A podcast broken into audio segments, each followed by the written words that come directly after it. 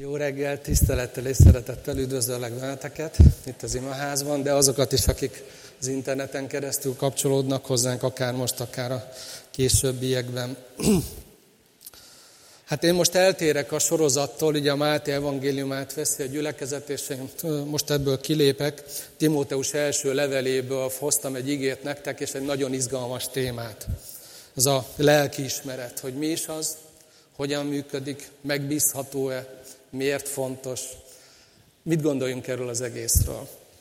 Úgy kérlek benneteket, hogy keressétek ki a Timóteus első levelét a Bibliátokban, a telefonon vagy papíralapon, ahogy ott van a kezetekben. És az első résznek a 18-19. versét fogom olvasni.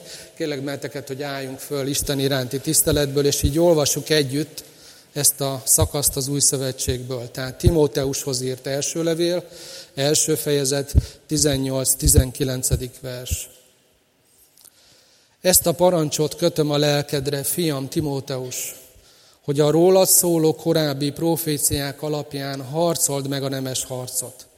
Tartsd meg a hitet és a jó lelkiismeretet, amelyet egyesek elvetettek, és ezért a hit dolgában hajótörést szenvedtek. Imádkozzunk. Úr Jézus, az előbb énekeltük ezt, hogy téged látunk és imádunk. És ugyanezt szeretnénk most folytatni, hogy az igéből is téged fedezzünk fel. Köszönjük a, az ígéretedet, hogy ahol kette-hárman összejönnek a te nevedben, ott vagy, ott leszel. Köszönjük, hogy erre a mai vasárnapra is te is készültél, hogy, hogy eljöttél. Hogy neked mindannyian, akik itt vagyunk, vagy akik az interneten most figyelnek, követnek bennünket, részt vesznek, bekapcsolódnak, neked fontosak. Jó tudni, hogy ismersz minket, hogy tudod, hogy akár ez a téma most nekünk miért fontos, hogyan érint minket. Jó tudni, hogy napra kész vagy belőlünk. Szeretnénk kérni, hogy a te lelkeddel tedd aktuálissá mindannyiunknak azt, ami személy szerint fontos nekünk ebből. Segíts, hogy most jelen tudjunk lenni neked, a te számodra, te érted, rád figyelve, a számodra kinyitva a szívünket, az elménket. És köszönjük a te lelkedet, kérünk, hogy áraszt ki ad, hogy az igében vele találkozhassunk az ő munkája nyomán. Amen. Foglaljatok helyet.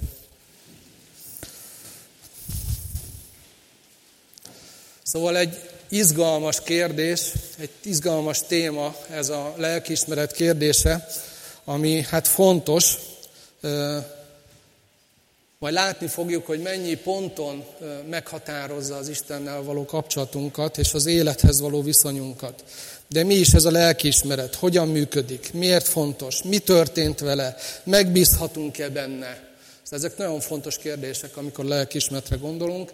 Ugye nagyon sokan sokféleképpen beszélnek erről, hogy az mi is az, hogyan jelenik ez meg az életünkbe. Néha az a kép rajzódik ki bennem, ahogy így hallgatom az embereket, vagy cikkeket olvasok, vagy most is próbáltam utána nézni így szakirodalomnak is, akik az emberrel foglalkoznak, hogy hát van egy olyan kép a lelkismeret, most, most bocsánat a hasonlatért, kisgyerekesek értik talán még, és többiek is emlékszünk rá, vagy majd találkozni fejünk, fogunk vele, hogy a lelkismeret az olyan, mint a gumibugyi, tágul, és sok minden belefér. De hogy tényleg? Tehát, hogy, hogy mi ez az egész, hogyan gondoljunk erre. De mielőtt beleugranánk, szeretném, hogyha nem csak azzal foglalkoznánk, hogy nekünk ez a kérdés itt és most mit jelent, miért fontos ez nekünk, milyen hasznunk származik abból, hogyha ezt megértjük és ehhez helyesen viszonyulunk. Szeretném, ha először az akkor és ott kérdésre is egy kicsit időt szánnánk. Hogy itt Pál, ahogy ír Timóteusnak, és szóba hozza a jó lelkiismeretet, és azt mondja, hogy fiam Timóteus, a lelkedre kötöm azt, hogy ezt őrizd meg, tartsd meg, vigyázz rá. Hogy ez miért volt egy fontos üzenet akkor, és hát ez, hogy egy picit ilyenkor, mikor az igét kinyitjuk, olvassuk, vagy amikor egy tanításra készülünk mi magunk, vagy hallgatunk egy ígéretést, miért van ennek jelentősége, hogy elmenjünk oda, hogy akkor ott mi volt? Miért számít az, hogy miért írta le ezt Pál Timóteusnak? Hát először is azért, mert az ige nem nekünk szólt először. És, és ebben nem az az érdekes, hogy van egy csak az, de az is érdekes, de nem csak az érdekes, hogy ennek van egy történelmi múltja, egy nagy perspektívája hanem azért fontos ezt a kérdést is fölvennünk, mert ez is Istenhez visz bennünket közel. Ugyanis félő az, hogy az Istent a jelenben nem ismerjük fel, ha az ő munkáját a múlttal kapcsolatban nem becsüljük meg. Istent sokszor olyan dolg, tehát úgy lehet megismerni a múlton keresztül, ahogy másképp nem. Egyszer régen beszéltem az emlékezésről, hogy a Biblia hányszor szóba hozza, hogy emlékezz. És amikor ezt Izrael ezt a parancsot megkapta, hogy emlékezz, nézz vissza, akkor nem csak arra hívta Isten, hogy arra a múltra emlékezzen, ami személyesen az ő múltja, hanem visszahívta sokkal későbbre, sokkal előbbre a generációkat, és azt mondja, hogy emlékezz az atyáid idejére. Kérdezd őket, majd ők elmondják. Mert Isten ott volt, és bizonyos dolgokat tett, és amit a múltba tett, hát most hadd mondjam, nagyobb a jelentősége bizonyos értelemben, mint amit jelenben itt és most az én dolgaimra válaszul tesz. Ennek is nagy a jelentősége, de a múltban történt például mindenkiért, hogy a kereszt állt, hogy Jézus ott az öt sebét elszenvedte. És ha ezt a múltbeli tettét Istennek nem tudom a jelenben értékelni, valószínű, ahogy várom azt, hogy ő belépjen az életembe és tegyen valamit, mellé fog menni. Félő, hogy nem ismerjük fel Istent helyesen a jelenben, ha nem foglalkoztat bennünket az, hogy mi volt a múltban, hogy volt ő jelen a múltban. Ugye a kereszténység nem velünk kezdődött, valószínűleg nem velünk fejeződik be. Isten már itt volt, akkor is, amikor mi még nem is voltunk, vagy nem is számoltunk vele. Tehát van annak létjogosultsága, hogy akkor és ott Miért jött elő ez a gondolat, hogy fiam, Timóteus, a lelkedre kötöm, hogy őrizd meg a jó lelkiismeretet, vigyázz rá. Hát ugye a háttérről csak nagyon röviden annyit, hogy, hogy az apostolok cselekedeteiről írott könyv azzal fejeződik be, hogy Pál apostol római katonák kíséretében, ugyanis vizsgálati fogságban volt, megérkezik Rómába. Ugye az egész mögött az van, hogy Pál a harmadik missziós útjának a végén Jeruzsálembe ment, és ott a vezetők, a politikai és a vallási vezetők föllázítottak egy tömeget, lincs hangulat alakult ki, és majdnem megölték Pált a templomban, és ahogy észlelte az ottani helyőrségnek az ezredese egy csapattal, egy különítménnyel kiment, egy ilyen tekkes csapattal, hogy el tudjuk képzelni, hogy kik ezek akkor is voltak ilyen extra jó képzésben részt vett katonák. Kiment, és kiragadták Pált onnan, és megmentették, elvitték az Antónia erődbe, és elkezdett a kivizsgálás, hogy mi volt ez az ügy. Ugye, ha itt van egy hatalmas tüntetés, és szétverik a rádió székházat, abból ugye ügyességi, meg rendőrségi ügyek lesznek. Na ott is volt. És ahogy elkezdték Pálnak a kivizsgálását, Pál azt érzékelte, hogy a Festus, aki akkor ott a helytartó volt, elég korrupt ember, és a zsidők kezdik megvajazni őt, az akkori vezetők, hogy kivégezzék Pált. De Pál római állampolgár volt, ezért volt lehetősége, joga a császárhoz fellebezni. Festusnak innen kezdve meg volt a keze kötve, el kellett vinnie Pált védelt, védelmet, védett őrizetben Rómába, hogy ott vizsgálják ki az ügyét. Körülbelül két évet volt házi őrizetben, várt az ítéletre, végül felmentették ekkor. Ugye később tudjuk, hogy szintén Rómába elítélik, és ki is végzik. És Pál a szabadulása után meglátogatta azokat a gyülekezeteket, akiket a három missziós útja során alapított. És az egyik ilyen gyülekezet volt Efézus. Efézusi gyülekezet ugye a harmadik missziós út során alakult, és hát döbbenetes dolgok kísérték ennek a gyülekezetnek a születését. Olyan csodák voltak ott abban a városban, az evangélium hirdetését olyan csodák kísérték, amiről keveset olvasunk máshol. Az emberek olyan mélyen megérintette őket Isten szent lelke az evangéliumon keresztül, hogy az a hírhetten okult városban azokat a, a ilyen orvosi leveleket, vagy egészségi leveleket, amik ilyen misztikus papírok, okult papírok voltak, hozták és elégették, szakítottak a múltjukkal. Annyira komoly volt a megtérés, hogy például egy iparág becsődölt a városban, az ottani ötvösök, akik bálványokat gyártottak, és ebből tartották fönn az életüket, ami egy, igaz, egy komoly iparággá fejlődött, egyszerűen becsődölt, és egy hatalmas zavargás lett ebből. Szóval az a gyülekezet, amelyik Efézusban megalakult, döbbenetes csodákon és körülményeken keresztül alakult meg. De mire Pál visszamegy, hát siralmas állapotok fogadják. Pontosan nem tudom, de körülbelül akkor ez ilyen három-négy-öt év lehetett. Ugye Jeruzsálemben is időzött a megalapítása után, ott eltartott egy darabig, két évet volt házi őrizetben. Nem tudjuk mennyi, de három-négy év lehetett talán az a táv, amit a gyülekezet megtett a születésétől idáig. És azok a körülmények, amiket, amik fogadták Pált, hát ezek, ezek siralmasak voltak. A gyülekezet szem elől tévesztette a célját. A missziós lendülete alább hagyott, a növekedése megállt, a szeretete kihűlt, kezdett kihűlni. Ugye a jelenések könyvében meg is jelenik ezzel kapcsolatban Jézusnak a, az intőszava, a megtérésre hívó szava, hogy az első szeretetet elhagytad. Tehát a szeretet kihűlt, és, és hát a, a hitelessége a gyülekezetnek, a, az ereje, oda lett. Hát ez egy zárójeles első tanulság, hogy, hogy ebből megtanulhatjuk azt, hogy nem lehet a múltnak a dicsőségéből megélni. Ugye azzal kezdtem, hogy fontos, hogy a múltban Istent felfedezzük, fontos, hogy lássuk, hogy az elődeinktől mit tanulhatunk, hogy ők hogyan jártak Istennel. De nem lehet a múlt dicsőségében megélni. Ez, ez igaz egy gyülekezetre nézve, de igaz a személyes életünkre nézve is. Az, hogy egykor mi történt köztem és Krisztus között, hogy az Úr Jézus mi mindenre használhatott, és mi mindenen vitt keresztül, ez egy nagyon fontos dolog, és vissza kell nézni erre. Ebből erőt lehet meríteni, de nem elegendő arra, hogy az itt és mostban erőt merítsek, hogyha távol sodródtam közben az Úr Jézustól. Nem lehet csak a múltból megélni.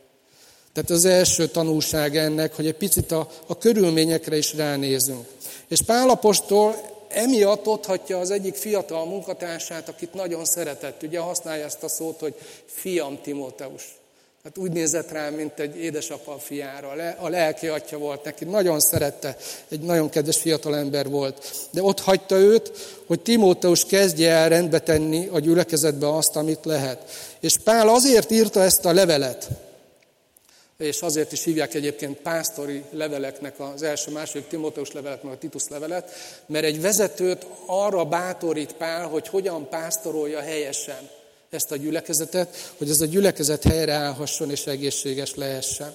És hát ebben a szakaszban, amit olvastunk, ebben a két versben, az egész levélben nagyon sok izgalmas dolog van, olvassátok el, hogyha tehetitek ebéd után egyet alszunk, kicsit emésztünk, utána vegyétek el, olvassátok a Timotus első levelét. Fantasztikus dolgok vannak benne. De ebben a két versben Pál három tanácsot ad, vagy mondhatnám, hogy három parancsot. Ugye az eredeti szó, amit van, az azt jelenti, hogy három üzenet. Tehát, hogy ő közvetít egy parancsot, de ez nem az ő parancsa, hanem az ő fölötte álló parancsnoknak a parancsa. Tehát Jézus, Jézus üzeni Pálon keresztül ezt Timóteusnak. És mi ez a három dolog? Harcold meg a nemes harcot. Tehát ez picit fölnyitja a szemünket az ellenséghez való viszonyra. Tehát, hogy egy olyan közegben vagyunk, és olyan közegben kell követnünk az Úr Jézust, ma ez a világkorszak, amiben élünk az ő visszajöveteléig, ami egy harcról is szól. Tehát van egy ellenség. Harcold meg a nemes harcot. Tartsd meg a hitet. Ez az igazsághoz való viszony. Tehát az, elő, az ellenséghez való viszony volt az előző, ez az igazsághoz való viszony. De amikor azt mondom, hogy igazság, akkor nem egy elvre kell gondolnunk, hanem egy személyre. Ugye az Úr Jézus tisztába tette, hogy én vagyok az út, az igazság és az élet. Tehát az Úr Jézushoz való viszon, ez tart meg a hitet. És a harmadik dolog, ez a mai témánk, amiről többet szeretnék beszélni, hogy tartsd meg a jó lelkiismeretet. Ez pedig az erkölcsi értékekhez való viszony. Mondhatnám, hogy az Isten, a, aki megteremtette ezt a világot, a létező valóságot, az ő szentségéből fakadó dimenziója a létező valóságnak. Vannak erkölcsi értékek, vannak erkölcsi kérdések. És azt mondja Pál, hogy tartsd meg a jó lelkiismeretet, ami ebben a dimenzióban segít bennünket eh, tájékozódni. Tehát ma a harmadikról lesz főleg szó. Tartsd meg a jó lelkiismeretet, amelyet egyesek elvetettek, és ezért a hit dolgában hajótörés szenvedtek. Nem véletlen, hogy erre kitér az apostol, ugyanis Timóteus egy olyan gyülekezetben van, ahol sajnos pont ez nagyon jól leírja az állapotokat. Hogy a jó lelkiismeretet valahogy emberek és a gyülekezet nem őrizte meg, és ennek következményei lettek. Ezért hozza föl Pál. És azt szeretné, hogy Timóteus eredményes, sikeres legyen, gyümölcsöző legyen a szolgálata, és arra hívja őt, hogy ő, ő tartsa meg. Tehát ő egy ilyen gyülekezetben van. Először nézzük meg, hogy, hogy mit is jelent ez. Mit jelent a következmény, amiről itt Pál beszél, hogy aki nem őrzi meg, nem tartja meg, nem óvja meg, nem védi meg a jó lelkiismeretet, nem veszi figyelembe a jó lelkiismeretet, az a hit dolgában hajótörés szenved. Mit jelent? a hit dolgában hajótörés szenvedni. Azt jelenti, hogy valaki, aki hitre jutott, tiszta szívből megtért, újjászületett, és ezért üdvösséget kapott, örök életet kapott Istentől ajándékba, Isten gyermeke lett, elvesztette az üdvösségét. Most egy kicsit leegyszerűsítve kérdezem ezt azért, hogy világos legyen. Sokan értelmezik így ezt a képet, amit itt Pál használ. Sokan erre az értelmezésre jutnak. Én mégis azt gondolom, hogy itt nem erről beszél az ige. Miért? Hát először is az a kifejezés, amit például használunk, az örök élet szó, ugye a jelző, mikor méltó valami, bármi, hogy megkapja ezt a jelzőt, hogy örök. Mondjuk, ha öt évig tart? Tíz évig? 20, 30, 50? Ugye érezzük, hogy bármennyire hosszúak esetleg ezek az időintervallumok, semmiképpen nem örök témáról beszélünk. Tehát, hogyha az örök élet, az örök élet, akkor az attól van, hogy az örök. Örökké tart. Tehát, hogy nagyon vigyázunk azzal, hogy milyen gyorsan mondunk ki, vagy gondolunk egy ilyen dolgot, hogy valami, amit Isten azt állítja, hogy örök, amit ő ajándékba odad valakinek a Krisztusba vetett hitéért, az most egyik pillanatra a másikra véget ért. Másodszor az ige nagyon sok helyen tanítja azt, hogy Isten valakinek örök életet adott, üdvösséget adott, akkor ő az, aki vigyáz erre. Nekünk ehhez komoly közünk van, és minket is hív erre Isten egyébként, hogy vegyünk ebben részt, hogy Isten munkájába kapcsolódjunk bele, hogy munkáljuk ki az üdvösségünket, tehát nekünk ezzel van dolgunk. De hogyha csak ezt mondhatnánk el róla, hogy nekünk meg kell védenünk az üdvösségünket, nekünk vigyázni kell az örök életünkre, hogy el ne veszítsük, hát akkor nagyon nagy bajba lennénk. Senkinek semmi biztosat nem mondhatnánk arról, hogy, hogy mit jelent az üdvösség reménysége, mit jelent az üdvbizonyosság. De a Biblia nagyon erőteljesen tanítja azt, hogy ezt Isten védi, Isten őrzi. Például az 1 Péter 1 titeket pedig Isten hatalma őriz, hitáltal az üdvösségre, amely készen van. Harmadszor az a kifejezés, amit itt olvasunk, az egyetlen egy helyen fordul még elő ez a hajótörés kifejezés, a 2 Korintus 11.25-ben, ahol Pál az Úr Jézusért elszenvedett, hát viszontagságairól ír, hogy mi minden szenvedett el azért, mert a küldetésébe beleállt és hűségesen követte Krisztus. És megemlíti azt, hogy egy alkalommal hajótörést is szenvedett, ugyanaz a kifejezés, és hogy egy napot, egy éjszakát hányódott a tengeren. Na most ez egy kép, amit itt használ erre a problémára, erre a következményre, hogy mi történik akkor, amikor valaki a jó lelkismeretről lemond. Ez egy kép, Ugye a jó lelkismeret és a hajótörés látszak semmi köze egymáshoz a két dolognak, de a következményben van valami, ami miatt hasonlítanak egymásra. És ez az, amiről itt a, a Biblia beszél, tehát mondhatnám, hogy egy, egy metafora, és ennek megfelelően kell értelmeznünk. Na mi ez a következmény?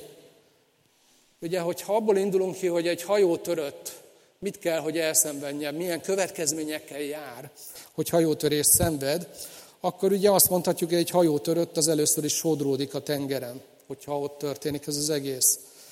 A jó lelkismerettel nem törődő ember is sodródik az életben. El fogja veszíteni az irányítást és a kontrollt. Amikor valaki hajótörés szenved és életben van még a tengerben, belekapaszkodik valamibe, ami megmaradt a hajó roncsból, sodródik, nem ő irányít. Onnan kezdve nincs annak értelme, hogy merre van észak és dél, hol van a kormánykerék, kormány, a kormánylapánk. Egyszerűen már innen kezdve nincs az ő kezében az irányítás, tehát elveszti az, aki a hit dolgában hajótörés szenved, elveszti az élete fölött a kontrollt. Nem rajta múlik innen kezdve, hogy mi fog történni vele. És ez egy nagyon érdekes dolog, hogy ezt a világban is tudják. Hogyha egy ember a saját élete fölött nem rendelkezik, akkor az egy veszélyes helyzetben van, és veszélyes lehet másokra nézve is. Tudjuk azt, hogy például bizonyos vezetői pozíciók betöltésére, főleg nagy országos összefüggésekben, hogyha beszélünk, bizonyos pozíció fölött mire van szükség? Mit csinálnak egy jelöltel, egy vezetővel? Mit csinálnak vele? Ugye fölkérik a, a biztonsági hivatalt, hogy vizsgálja meg, világítsák át. És keresik azokat a momentumokat az életében, amik, amik olyanok, hogy valószínűleg ott föladta a jó lelkismeretét, bár őket nem ez érdekli elsősorban, hanem hogy ami ennek a következménye lesz. Mert mi a következménye? Hogy onnan kezdve egy ilyen vezető zsarolhatóvá válik. Zsarolhatóvá válik. Az irányítás már nem az ő kezében van. Lehet, hogy vezetőként egy nagyon nehéz helyzetben egy jó döntést szeretne hozni, de lesznek ellen érdekelt felek, akik azt mondják, hogy ide figyelj apám, ha meghozhatod ezt a döntést, de ha ezt megteszed, akkor mi nyilvánosságra hozzuk ezt, meg ezt, meg nézd meg ezt a fotót is, meg hallgass meg ezt a felvételt, meg nézd meg ezt a videót. Ugye nemrég a, a közelmúltban történtek ilyen dolgok. Ez az ember onnan kezdve sodródik, másokon múlik, hogy mi lesz vele, nem ő birtokolja a saját élete fölött az irányítást. A második dolog, hogy egy hajótörött, az nem feltétlen jelenti azt, hogy, hogy elveszti az életét, lehet, hogy túl is éli ezt a hajótörést, ezért nem jó például az üdvösség elvesztésére gondolni. Túl is éli, de az biztos, hogy amíg ez az állapot fönnáll, addig nélkülözni fog. Ugye lehet, hogy valamennyi élelmiszer ott van neki abban a bármiben, mentőcsónakban, vagy akármiben, ami, ahol van. Valamennyi vize is van. De az limitált. Pedig egyébként otthon lehet, hogy dúsgazdag ember egyébként ebben a pillanatban. Lehet, hogy otthon egy akkora hűtőháza van, tele van mindenfélével, marhasztékekkel, meg minden, minden képzelje, amit a legjobban szeret, lazacot, vagy bármi tehetne, ha otthon lenne. De momentán nem otthon van, és nem hozzáférhető a tulajdona. Lehet, hogy otthon van egy pincéje, ahova a legfinomabb italok vannak behűtve, de momentán, ahogy a tengeren sodródik hajótöröttként, ebből semmit nem tud élvezni, mert nincs abban a helyzetben, hogy hozzáférjen. Tehát egy hajótörött kénytelen nélkülözni, aki hajótörést szenved. A harmadik dolog pedig mindenképpen jellemzi azt, hogy olyan körülmények között van, ami komolyan fenyegetheti az életét. Tehát tényleg életveszélyes körülmények között van. Soha nem tudhatja, hogy mikor bukkan föl egy cápa, mikor tör ki egy pusztító erejű vihar, mikor történik valami olyan, ami fölött nincs hatalma. Tehát veszélyek, komoly veszélyek között tengeti az életét. Pedig egyébként lehet, hogy otthon, birtokában van egy olyan csodálatos ház, ahol a legkomolyabb biztonságtechnikai dolgok védik az életét. De momentán ebből semmi nem érvényesül, mert itt és most ő hajót törött, és nem tud ehhez hozzáférni. Tehát amikor valaki hajót törött, elmondható róla, hogy teljesen mindegy az, hogy mi mindennel rendelkezik, nem birtokolja azokat, nem tud hozzáférni. A híd dolgában hajótörött emberre igaz az, amit mond a 2 Péter 1.3 például, hogy az ő isteni ereje megajándékozott minket mindazzal, ami az életre és a kegyességre való. Mégis aktuálisan valaki, aki a hit dolgában hajótörés szenvedett, nem nagyon tud ezekhez hozzáférni. Pedig a jogilag az övé. Jog szerint az övé. Istentől, a mennyei atyától megkapott egy csomó dolgot, mégsem tud hozzáférni dolgokhoz. Csak mondjak néhány dolgot. Ugye nem tud hozzáférni a békességhez, Istennel, önmagával, másokkal. Nem tud hozzáférni a lelki erőhöz, hogy tegye a jót nem tud hozzáférni a szeretethez, nem tud hozzáférni az önbecsüléshez. Egy csomó dologhoz nem tud hozzáférni, pedig amire nagy szüksége lenne, és ezek most csak ilyen lelki természetű dolgok. Pedig elvileg, jog szerint sok mindent megkapott, mindent megkapott, azt mondja itt Péter, ami az életre és a kegyességre való, mégis hajótöröttként ehhez aktuálisan nem fér hozzá. Tehát ha összegezni akarom, a hajótörés képe egy olyan emberre vonatkozik, aki ugyan Isten gyermeke, valóságosan megtörtént az életében, hogy hitre jutott, hisz az, hit az Úr Jézusban és abban, amit Jézus értetett, megtért, újjászületett. De az élet egy olyan helyzetet hozott elő, vagy több olyan helyzetet hozott elő, ahol ő azt mérlegelte, hogy, hogy jobb neki, ha nem a lelkismeretét követve hoz döntést és cselekszik, hanem azt félreteszi, elnyomja, elhallgattatja, és valamilyen más megoldást választ, mert többet remélt tőle. De ennek következménye van, azt mondja itt Pál, és hát ez az, ami oda vezet, hogy egyfajta ilyen lelki hajótöröttként egy csomó mindent nélkülözni kénytelen. Lehet, hogy azzal a döntéssel megszerzett valamit, lehet, hogy azzal a cselekedettel, vagy éppen egy mulasztással valami előnyhöz jutott. Nem feltétlen arról van szó, hogy nem így van. De hosszú távon nem figyelt arra, amikor a Szentlélek azt súgta neki, hogy ne ezt választ. Bíz bennem. Lesz majd egy másik megoldás, várj rám. Hanem félretette a lelkismeretét, döntött, és egy ilyen állapotba kerül. Talán egy kicsit ismerős egyébként mindannyiunknak, mert azért az életünkben megtörténik egyszer-kétszer, igaz? De lehetnek olyan horderejű dolgok is, amikből nagyon nehéz kijönni, és ez a kép jól leírja ezt a lelki hajótörött állapotot. Na de akkor mi a lelkiismeret? Miért fontos? Hogyan működik? Mennyire megbízható? Mi a, leg, mi a lelkiismeret? Hát a 19. vers, amit itt használ Pál, az egy nagyon érdekes kifejezés. Egy összetett szó, együtt nézni, így is le lehet fordítani. Tehát a lelkismeret az egy olyan belső funkciónk, ami egyébként a szívet, a belső embert, a lényünk belső valóját támogatja azzal, hogy együtt néz valamit, valamivel vagy valakivel. És ezt kell egy picit majd így hát közelebb hozni magunkhoz. Az Ószövetséget, ha nézzük, ott ez a kifejezés nincs benne, de nagyon plastikusan leírja az Ószövetség több helyen azt az embert, aki éppen a lelkiismeretével harcol és küzd. Például csak elég a 32. vagy az 51. Zsoltárt elolvasnunk, ahol Dávid őszintén kiönti a szívét, hogy mi zajlik most benne, miután ugye elbukott Betsabéval, megölte Betsabé, vagy megölette Betsabé férjét, stb. És ott nagyon plastikusan leírja az Ószövetség azt, hogy amikor a lelkiismerettel hadakozik egy ember, akkor mit él át. És ezt ugye jól leírja a pszichológia is. De az új szövetség használja ezt az együtt látó kifejezést, hogy a lelkiismeret az egy ilyen valami, ami együtt lát, együtt néz. Ahogy a szemünk lát és észleljük a külső valóságot, amit Isten megteremtett, ugyanúgy a lelkiismeret is a valóságba lát bele, de egy másik dimenzióba, az erkölcsi dimenzióba. Mert hogy a valóságnak van egy ilyen dimenziója is. És azért van, mert aki ezt teremtette Isten, ő egy szent Isten. És az erkölcsi kérdések az ő szentségéből eredeztethetőek. Azért van néhány dolognak, vagy szinte minden dolognak erkölcsi természete is. És fontos megfontolnunk ezt a részét is, mert ez Isten szentségéhez kapcsolódik. És a lelkismeret az egy olyan valami, ami képes ebben az összefüggésben vizsgálni és látni a dolgokat.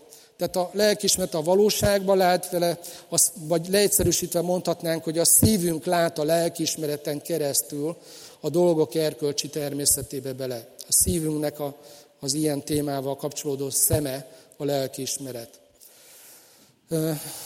Az a kis előtag viszont nagyon fontos, hogy együtt lát. A lelkismeret az, amelyik együtt lát. Vagyis nem csak egy belső látásról van szó, ami egy dimenzióba segít nekünk észlelni összefüggéseket, hanem arról is szó van, hogy miközben ebbe a dimenzióba a lelkiismeret belelát, valamivel összekapcsolódik, valamivel együtt lát. Vannak teológusok, akik azt mondják, hogy ez a szívbe belső törvényre vonatkozik, hogy a szívünkbe be van vésve, ugye a Róma 2, 14, 15 például beszél erről, hogy pogányokról, hogy mert amikor a pogányok, akik nem ismerik a törvényt, természetes eszük szerint cselekszik azt, amit a törvény követel, akkor ezek a törvény nélküliek önmaguknak szabnak törvényt. Ezzel azt bizonyítják, hogy a törvény cselekedete be van írva a szívükbe. Erről lelkiismeretük és egymást vádló vagy éppen védő gondolataik együtt tanúskodnak majd. Tehát a teológusok azt mondják, hogy akik a Biblián keresztül közelítenek ez a kérdéshez, hogy, hogy a, a lelkiismeret részben abból áll össze, hogy Isten a szívünkbe írta az ő törvényét.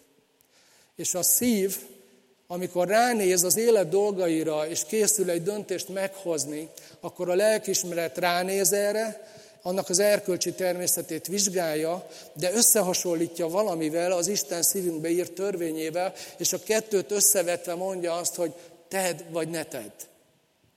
Tehát ez az egyik. És hát az, hogy tényleg van az ember szívébe egy ilyen erkölcsi törvény beleírva, és hogy a lelkismeretnek ez az egyik forrása, ez például az is igazolja, hogy vannak olyan erkölcsi kérdések, amik történelemtől és kultúrától függetlenül minden társadalomban érvényben vannak. Mindenhol. És még csak nem is kell, hogy keresztény vagy zsidó társadalom legyen az, amiről beszélünk A legtöbben ott van az életnek a tisztelete és a védelme valamilyen formában. De akik ezt a kérdést vizsgálják, azt mondják, hogy nem csak ez az egyetlen forrása a lelkismeretnek, hanem arról is beszélnünk kell, hogy a társadalom és a kultúra, a szocializáción keresztül is valahogy hat a lelkismeretre, beleírja a maga mondandóját a lelkismeretbe, és ezért van az, hogy bár például az élet mindenhol érték, és az életvédelme mindenhol érték, mégis nagyon sokféleképpen állnak hozzá ehhez a kérdéshez. Vagy hogy vannak olyan erkölcsi kérdések, amik kulturálisan vagy történelmi szempontból meghatározottak, és mi például ma nem érzünk erkölcsi problémát valamiben, amit történelmileg előttünk viszont annak éreztek. Csak egy példa. Most milyen szót használják? Tehát egy prostituált régen, ha kivillant a bokája, az egy bődületes nagy szégyen volt. Ez egy akkora erkölcstelen dolognak számított, hogy az nem igaz.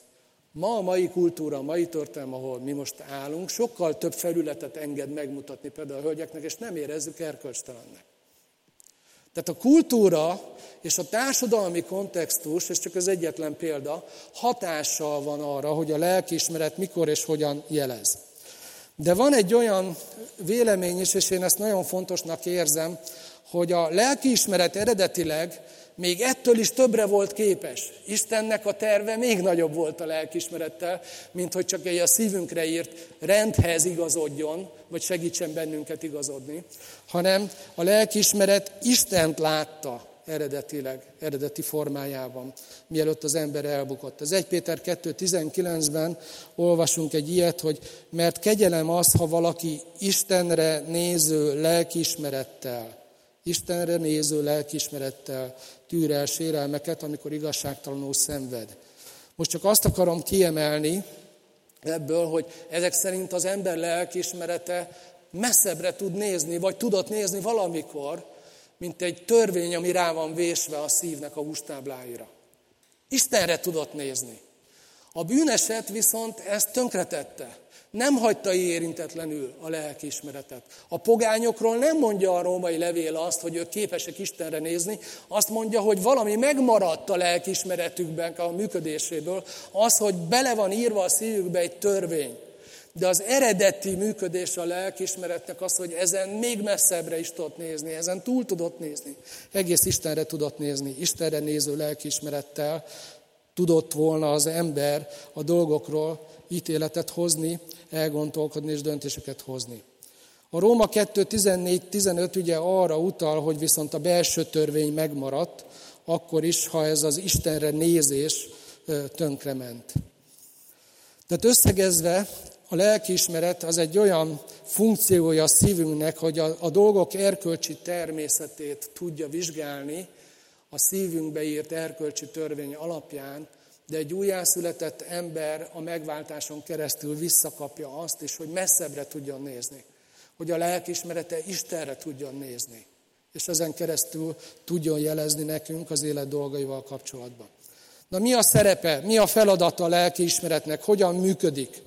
Ugye egy amit eddig elmondtam, egy picit már látjuk, hogy a lelkismeretnek a funkciója az, hogy tájékozódni tudjon a dolgok erkölcsi természetét kapcsolatban. Ez a feladata. De hogyan működik? Hát az előbb olvastam ezt a Róma 2.14-15-öt, és ott olvastunk két kifejezést.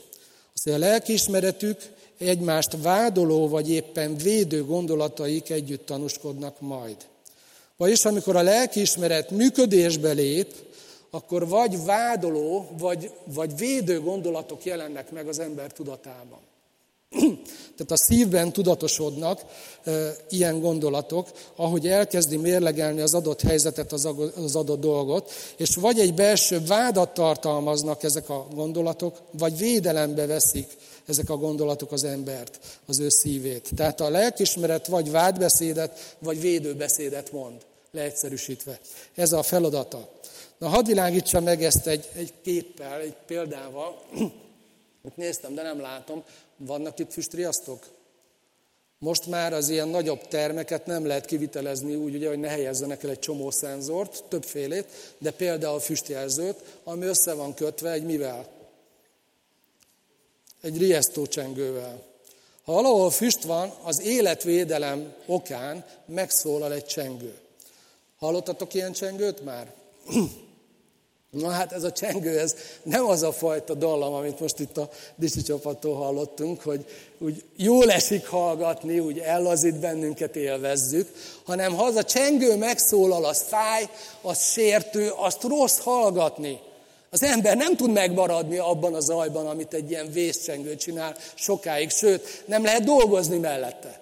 Tehát ha egy munkahelyen megszólal egy ilyen tűzriadó miatt a vészcsengő, ott az ember ha akar se tud dolgozni egy idő után, mert egyszer az agyára megy. Nem bírja ki. És hát ez a feladata. Akkor működik jól a vészcsengő, ha azt nem lehet kibírni. Egy picit ilyen a lelkiismeret is, hasonlít -e. Bejelez, megszólal, és amikor az ember készül rálépni egy olyan útra, ami életveszélyes, ami hosszú távon rossz lesz neki, akkor megszólal a lelkiismeret, és nagyon nehéz azt elviselni.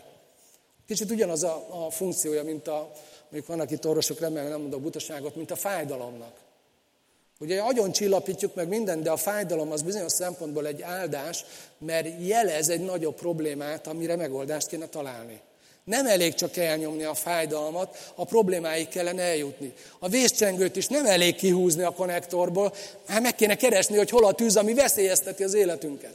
A lelkiismeretet nem elég elhallgattatni, elnyomni, elnémítani, elvetni magunktól. Meg kellene találni az okát, hogy miért szólalt meg ez a belső riasztó. Tehát, hogy nagyon fontos, hogy jelzi azt, hogy valami, amire készülünk, vagy valami, amiben beleléptünk, belesodródtunk, vagy tudatosan választottuk, az hosszú távon életveszélyes. Nem maradjunk benne. Tehát hogyan működik a lelkismeret? Először akkor jön a segítségünkre, amikor megfogalmazódik egy szándék a szívünkben. Még nem tettük meg, még egy lépés, a döntés elválasztja attól, hogy abból egy cselekedet, vagy egy mulasztás legyen, vagy egy, egy verbális megnyilatkozás legyen, hogy kimondjunk, vagy nem mondjunk ki valamit, amit kell, vagy nem kell. Tehát még nem történt meg, de jön a, a lelkiismeret, és segít nekünk eldönteni, mit kezdjünk ezzel. Isten szentségével és a szívünkbe beleírt elköcsi törvényel mi van összhangba? Hogy cselekedjek? Tegyem meg, vagy ne tegyem meg? Mikor vétek? Ha megteszem, vagy pont akkor, ha elmulasztom? És a lelkismeret jelez, ekkor jön először a segítségünkre. Másodszor akkor jön a segítségünkre, ha a döntést már meghoztuk, cselekedet lett belőle, de nem jó út, amin elindultunk. Nem jó az az út, amit elindultunk. És elkezd szólni ez a vészcsengő, és az embernek ez rossz. Rosszul esik. De egy nagy áldás. Nem jó, ha kihúzzuk a konnektorból ilyenkor a vészcsengőt, meg kell találni az okát, és egyébként például az egyik nagy áldása ennek a vészcsengőnek, a lelkismeretnek, hogy segít visszafordulni a helyes útra. Megtérés egyik új szövetségi szava, az episztrefa pont ezt jelenti, hogy megfordulni és visszamenni a helyes irányba. Tehát a megtérés is sokszor úgy kezdődik, és nem csak az, a nagy megtérés Istenhez vissza, hanem a, a sok apró kompromisszumainkból, bűneinkből való visszatérés a helyes irányba, azzal kezdődik, hogy a lelki ismeret megszólal, mint vészcsengő. És azt mondja itt Pál, hogy vigyázni kell, nem szabad elnémítani. Tehát vagy nyugodt a lelkismeret, és azzal jelzi, hogy rendben van, tedd meg, és visszaigazolja azt, amit tenni akarunk. Ugye erre szoktuk használni azt a kifejezést, hogy békességünk van valamiben, hogy tegyük vagy ne tegyük. Tehát vagy ezzel jelzi, vagy azzal, hogy bántó módon megszólal, és bizony lelki fájdalmat okoz. De mennyire megbízható a lelkiismeret? Teljes mértékben rá lehet hagyatkozni, vagy mérlegelnünk kell, van a Bibliának mondani valója arról is, hogy ez a műszer mennyire megbízható. Ugye már az elején jeleztem, hogy a, a Péter levele azt jelzi, hogy a lelkismeret egész Istenig látott valamikor, de a bűn megrontotta, és ez a funkciója meggyengült, de ellát a belső törvényig, ami ott van a, a szívben. Tehát a bűn nem hagyta érintetlenül a, a lelkiismeretet, és ezt nagyon fontos tudnunk nekünk is, meg amikor az evangéliummal valaki barátkozik, akkor fontos tudnia, hogy miért nem csak az számít, hogy ő mit érez jónak vagy rossznak. Ő mit érez bűnnek vagy nem bűnnek. Miért számít az, hogy Isten igéje mit mond erről? Azért, mert nem teljesen megbízható az ember lelkiismerete az ember bukása óta. Titus 1.15-ben ezt olvassuk. Itt egy pici kitekintést kell tennem, kilépünk a, a Timóteső levélből, de vissza fogunk térni hozzá. Azt olvassuk itt, hogy minden tiszta a tisztának, de a fertőzöttnek, meg a hitetleneknek semmi nem tiszta, sőt, szennyes mind az elméjük, mind a lelkiismeretük.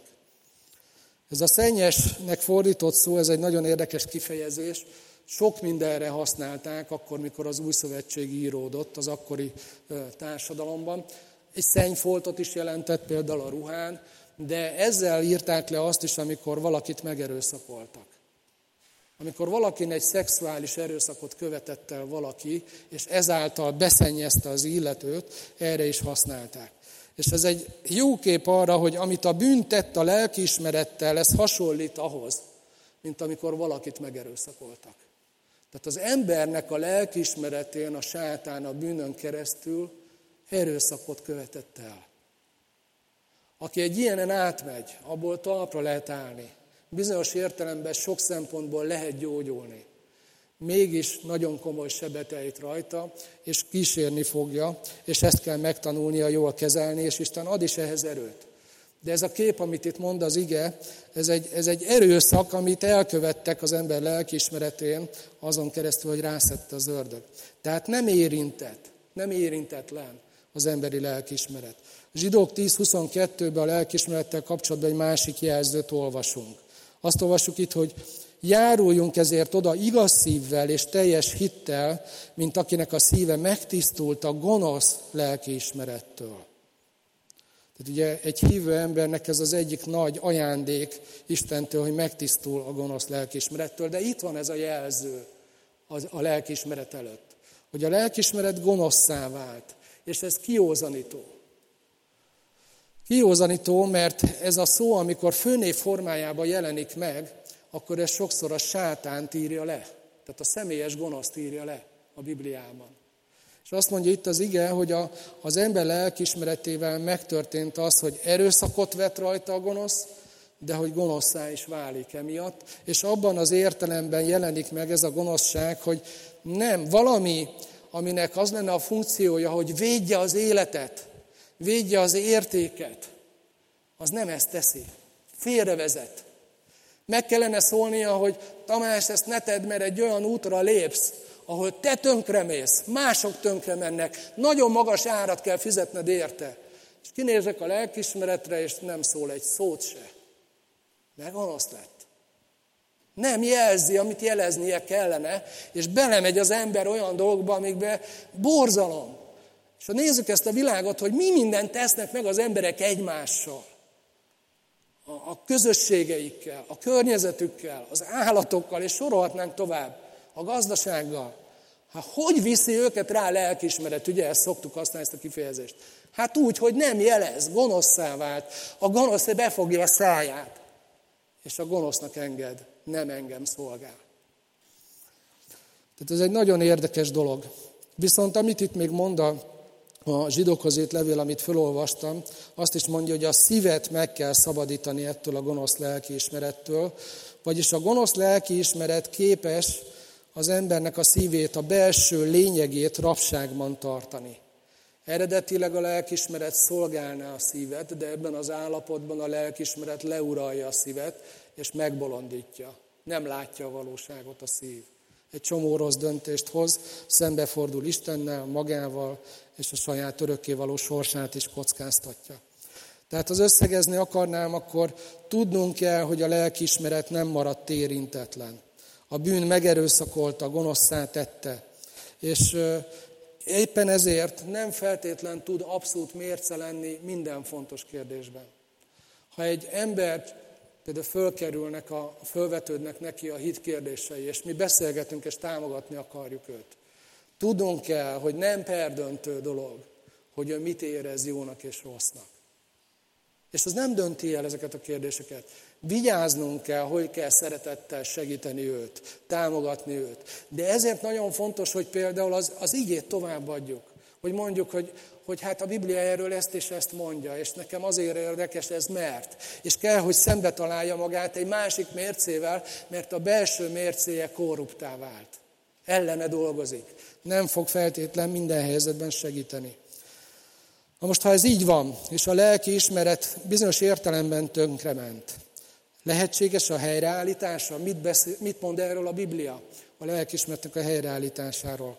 Hát azt mondja, hogy igen, Isten tudja helyreállítani, meggyógyítani, beállítani újra a lelkiismeretet. Szintén a zsidókhoz ért levél 9. rész 14. verse ezt mondja, hogy mennyivel inkább Krisztusnak a vére, aki örökkévaló lélek által önmagát áldozta föl, ártatlanul Istennek, megtisztítja a ti lelkiismereteteket a halott cselekedetektől, hogy szolgáljatok az élő Istennek.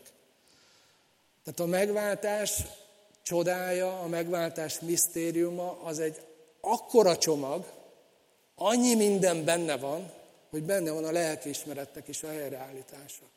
Az Úr Jézus a kereszten a lelkiismeretért is szenvedett, meghalt, és támad föl a harmadik napon. Ez is benne van a csomagban, amit mi megváltásnak és üdvösségnek hívunk.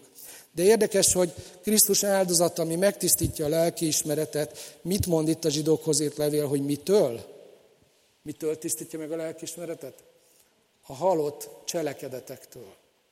Hát ez egy nagyon érdekes dolog. Tehát az olyan cselekedetek vagy mulasztások, amiket a lelkiismeretünk ellenére elkövettünk, ránehezednek a lelkiismeretre, megterhelik, agyonyomják, olyannyira, hogy egy údó után már talán nem is jelez. Vagy ahhoz hasonlít, mint egy beragadt csengő, amiben már a zaksi merül le, és még kerreg valamennyire, de már alig él, mert agyom van terhelve, kimerült. Szóval az Úr Jézus áldozata a bűnerejét megtöri, és ezen keresztül a lelkiismeret fel tud szabadulni. És Istennek ez nagyon fontos, hogy a lelkiismeretünk helyreálljon. Egy újjászületett, friss hívőnek a lelkiismerete felszabadul, de még valamit mond itt az ige, hogy meg is kell erősödnie. Korintusi levélben, a nyolcadik fejezetben Pál arra figyelmezteti a már régóta hívő embereket, akik már nagyon sok mindent megvizsgáltak, sok minden összeállt bennük, hogy vigyázzanak az új hívők érzékeny lelkiismeretére. Ott Pál a gyengét és az erős kifejezést használja, hogy vannak, akik gyengék, és a lelkiismeretük mindenre bejelez, ha kell, ha nem, és vannak, akik abban az értelemben erősek már, hogy helyreállt ez a szívükre írt törvény, és többször gyakorlottak már abban, hogy Istenig ellássanak, és nem abból csinálnak problémát, amiből nem kell hanem abból csinál a lelkismeretük problémát, amit kell. A 12. versben, itt az 1 Korintus 8-ban azt írja Pál, hogy azután, amikor a testvérek ellen védkeztek, de hogy mivel, és erőtlen lelkiismeretüket megterhelitek, Krisztus ellen védkeztek.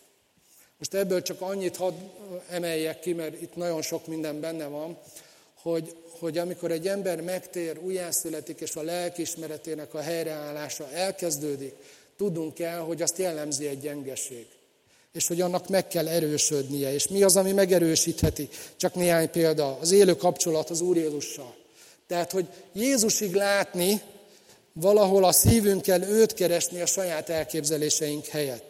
Az engedelmesség abban, a másik, ami segít, az engedelmesség abban, amit Isten tanít a Bibliában, szemben azzal, ami egy csoportnorma, amikor csak emberekhez igazodunk. Megtanulni azt, hogy Istenhez igazodunk az igényen keresztül, és ezzel erősödik a lelkiismeret, az engedelmességen keresztül, az igén keresztül, és a közösségen keresztül. Számtalan dolgot tudok mondani nektek, amikor a, a lelkiismeretemhez Isten egy testvéren keresztül nyúlt hozzá. És például segített túljutni egy válságon, egy hitkrízisen, hogy megértettem, hogy problémát csinálok valamiből, ami valójában nem probléma. Vagy úgy segített, hogy nem csinálok problémát valamiből, ami viszont valójában probléma. Nem olyan rég történt egy ilyen velem, írtam is róla egy levelet nektek. Valakit Isten használt, hogy segítsen. Tehát a közösség segíti a lelkiismeret megerősítését, mert Isten embereket is használhat erre. Na mihez lehet hasonlítani ezt a változást? Így próbáltam elképzelni valamit, hogy hogy lehetne ezt jól leírni. Képzeljetek el egy, egy épületet, ami egy csodálatos helyen van, egy magaslaton, kilátás a tengerre és a sziklákra, amik onnan indulnak, fantasztikus. De azt az üvegfalat, amin keresztül ezt a panorámát látod, egy vasredőny lezárja.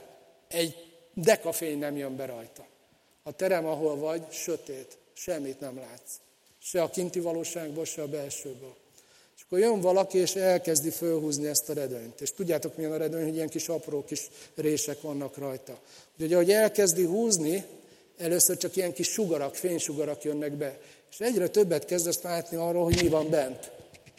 Magadat, a környezetet, stb. Aztán egyszer fölhúzza teljesen, és beragyogja a, a szobát a fény, leszereli ezt a redőnyt, hogy hol többet le lehessen lehúzni, ugye ez a bűnnek a vasfüggönye, ugyanakkor mégis azzal szembesülsz, hogy baj van, mert évek alatt a redőny mögött akkora kosz rakódott le az ablakra, hogy szinte olyan, mint hópálos lenne. Lényegesen több a fény, mint amikor le volt eresztve teljesen, de még mindig csak sejtem, hogy mi van odakint, meg bent is még több világosságra lehetne szertenni. És akkor ez a valaki fogja és lemossa az ablakot is. A sok szennyet, ami rárakódott. És látod a perspektívát, és betölti a szobát a fény. Na ilyen a szív. A bűn és a lelkiismeret felszabadítása, megtisztítása. Újra világossághoz jut a szívünk. Na ez a téma, ez a lelkiismeret, ez talán azon gondolkodtam, hogy mit mondjak arról, hogy most miért volt ez fontos azon kívül, hogy úgy döntöttetek, hogy idejöttek, és akkor valakit meg kell hallgatni, hogy miről prédikál. Hogy lehet ez fontos nekünk? Én azt gondolom, hogy kétféleképpen találhat el bennünket, vagy figyelmeztethet még időben, vagy egy reménysugár lehet a számunkra.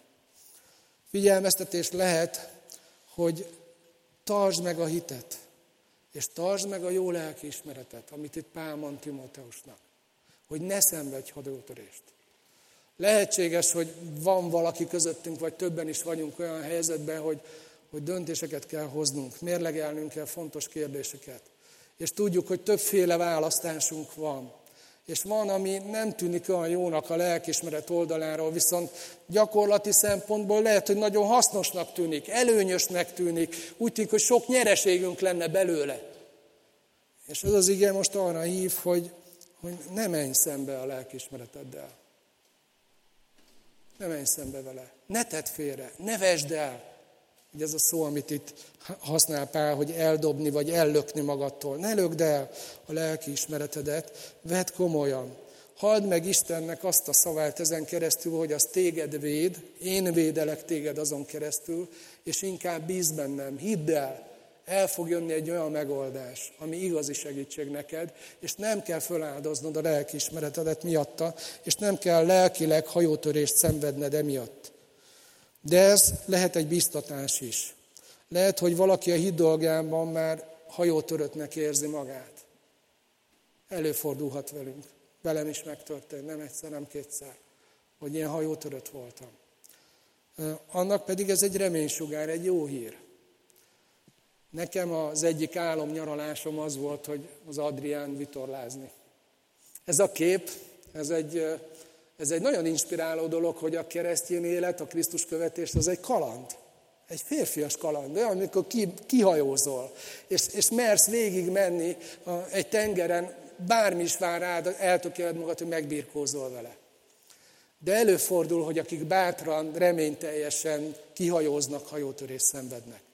És tudjátok, amikor ilyen történik, akkor a legtöbbször le lehet adni egy SOS vészjelzést, és elindul a kereső szolgálat. Keresik. Jézus egy másik képanyagot használva magáról azt mondja, hogy ő ebben nagyon jó. Azt mondja, hogy az emberfia azért jött, hogy megkeresse és megtartsa azt, ami elveszett.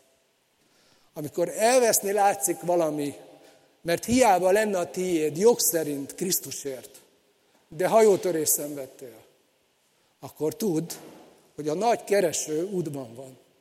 Hát lehet, hogy például azért predikálok erről most. Megteheted, hogy leadod a vészjelzést, hogy Uram, az a helyzet, hajótörött lettem, ments meg, gyere. És ami ilyenkor történik, Azaz biztos láttatok filmekben ilyesmit, hogy egy hajó törött fölé oda, megy egy helikopter, leereszt egy kosarat, és ott egy döntéshelyzet van. Minden adott arra, hogy az az ember megmeneküljön. A maga erejéből, ha nem lenne ott a mentőhelikopter, ha ott lenne, de nem engedné le azt a kosarat, az az ember nem menekülne meg. De megtették. Valaki kifizették azt, hogy erőforrást használjanak arra, hogy valakit, aki hajótörött, megmentsenek. Kifizették az árát, hogy oda menjen az a helikopter. Le is engedték azt a kosarat, de ennek az embernek oda bele kell másznia.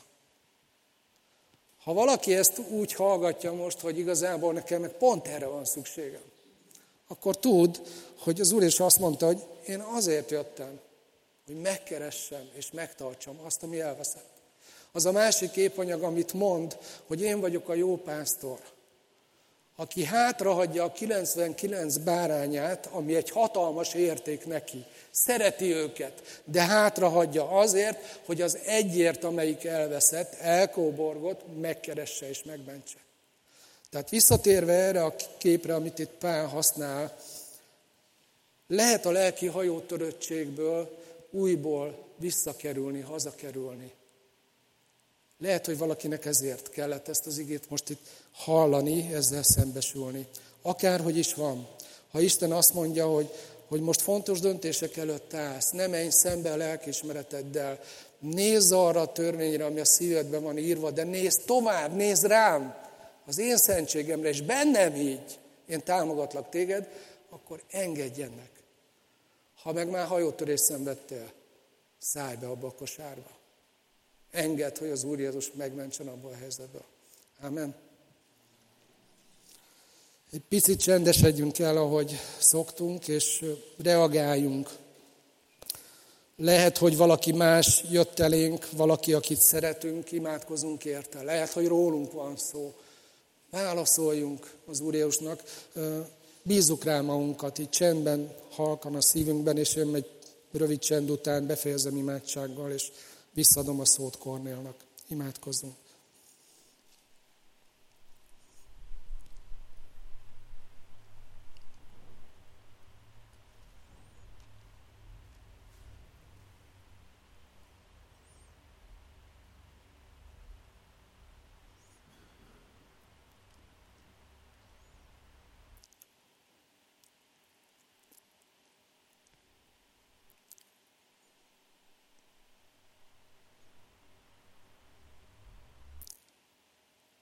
Úr Jézus, köszönjük neked, hogy te tényleg egy nagy árat fizettél azért, hogy a megmentünk lehess. Köszönjük, hogy amit te a, a kereszten és a sírból kijöve a feltámadásodban megszereztél nekünk, abban benne van a lelkiismeretünk helyreállása, megtisztulása. Köszönjük, édesatyánk, hogy, hogy egy ilyen belső jelzőrendszert adtál nekünk, hogy amikor döntések előtt állunk, támogassa a szívünket, hogy téged válasszunk, és a te útjaidat válasszuk. Hogy a, az élet útján maradhassunk rajta. Hogy ne szenvedjünk hajótörést, ne nélkülözzük mindazt, amit tőled kaptunk, és hogy ne kockáztassunk sokkal fontosabb dolgokat, mint ami miatt sokszor föladjuk a lelkismeretet. Köszönjük a Te igédet, és köszönjük a a bíztatást, és kérlek, hogy te ismersz bennünket, tudod, hogy nekünk külön-külön most ebből mi fontos, miért fontos. Kérlek, adj bátorságot, hogy téged tudjunk követni, Úr Jézus, ebben a kérdésben is. Amen.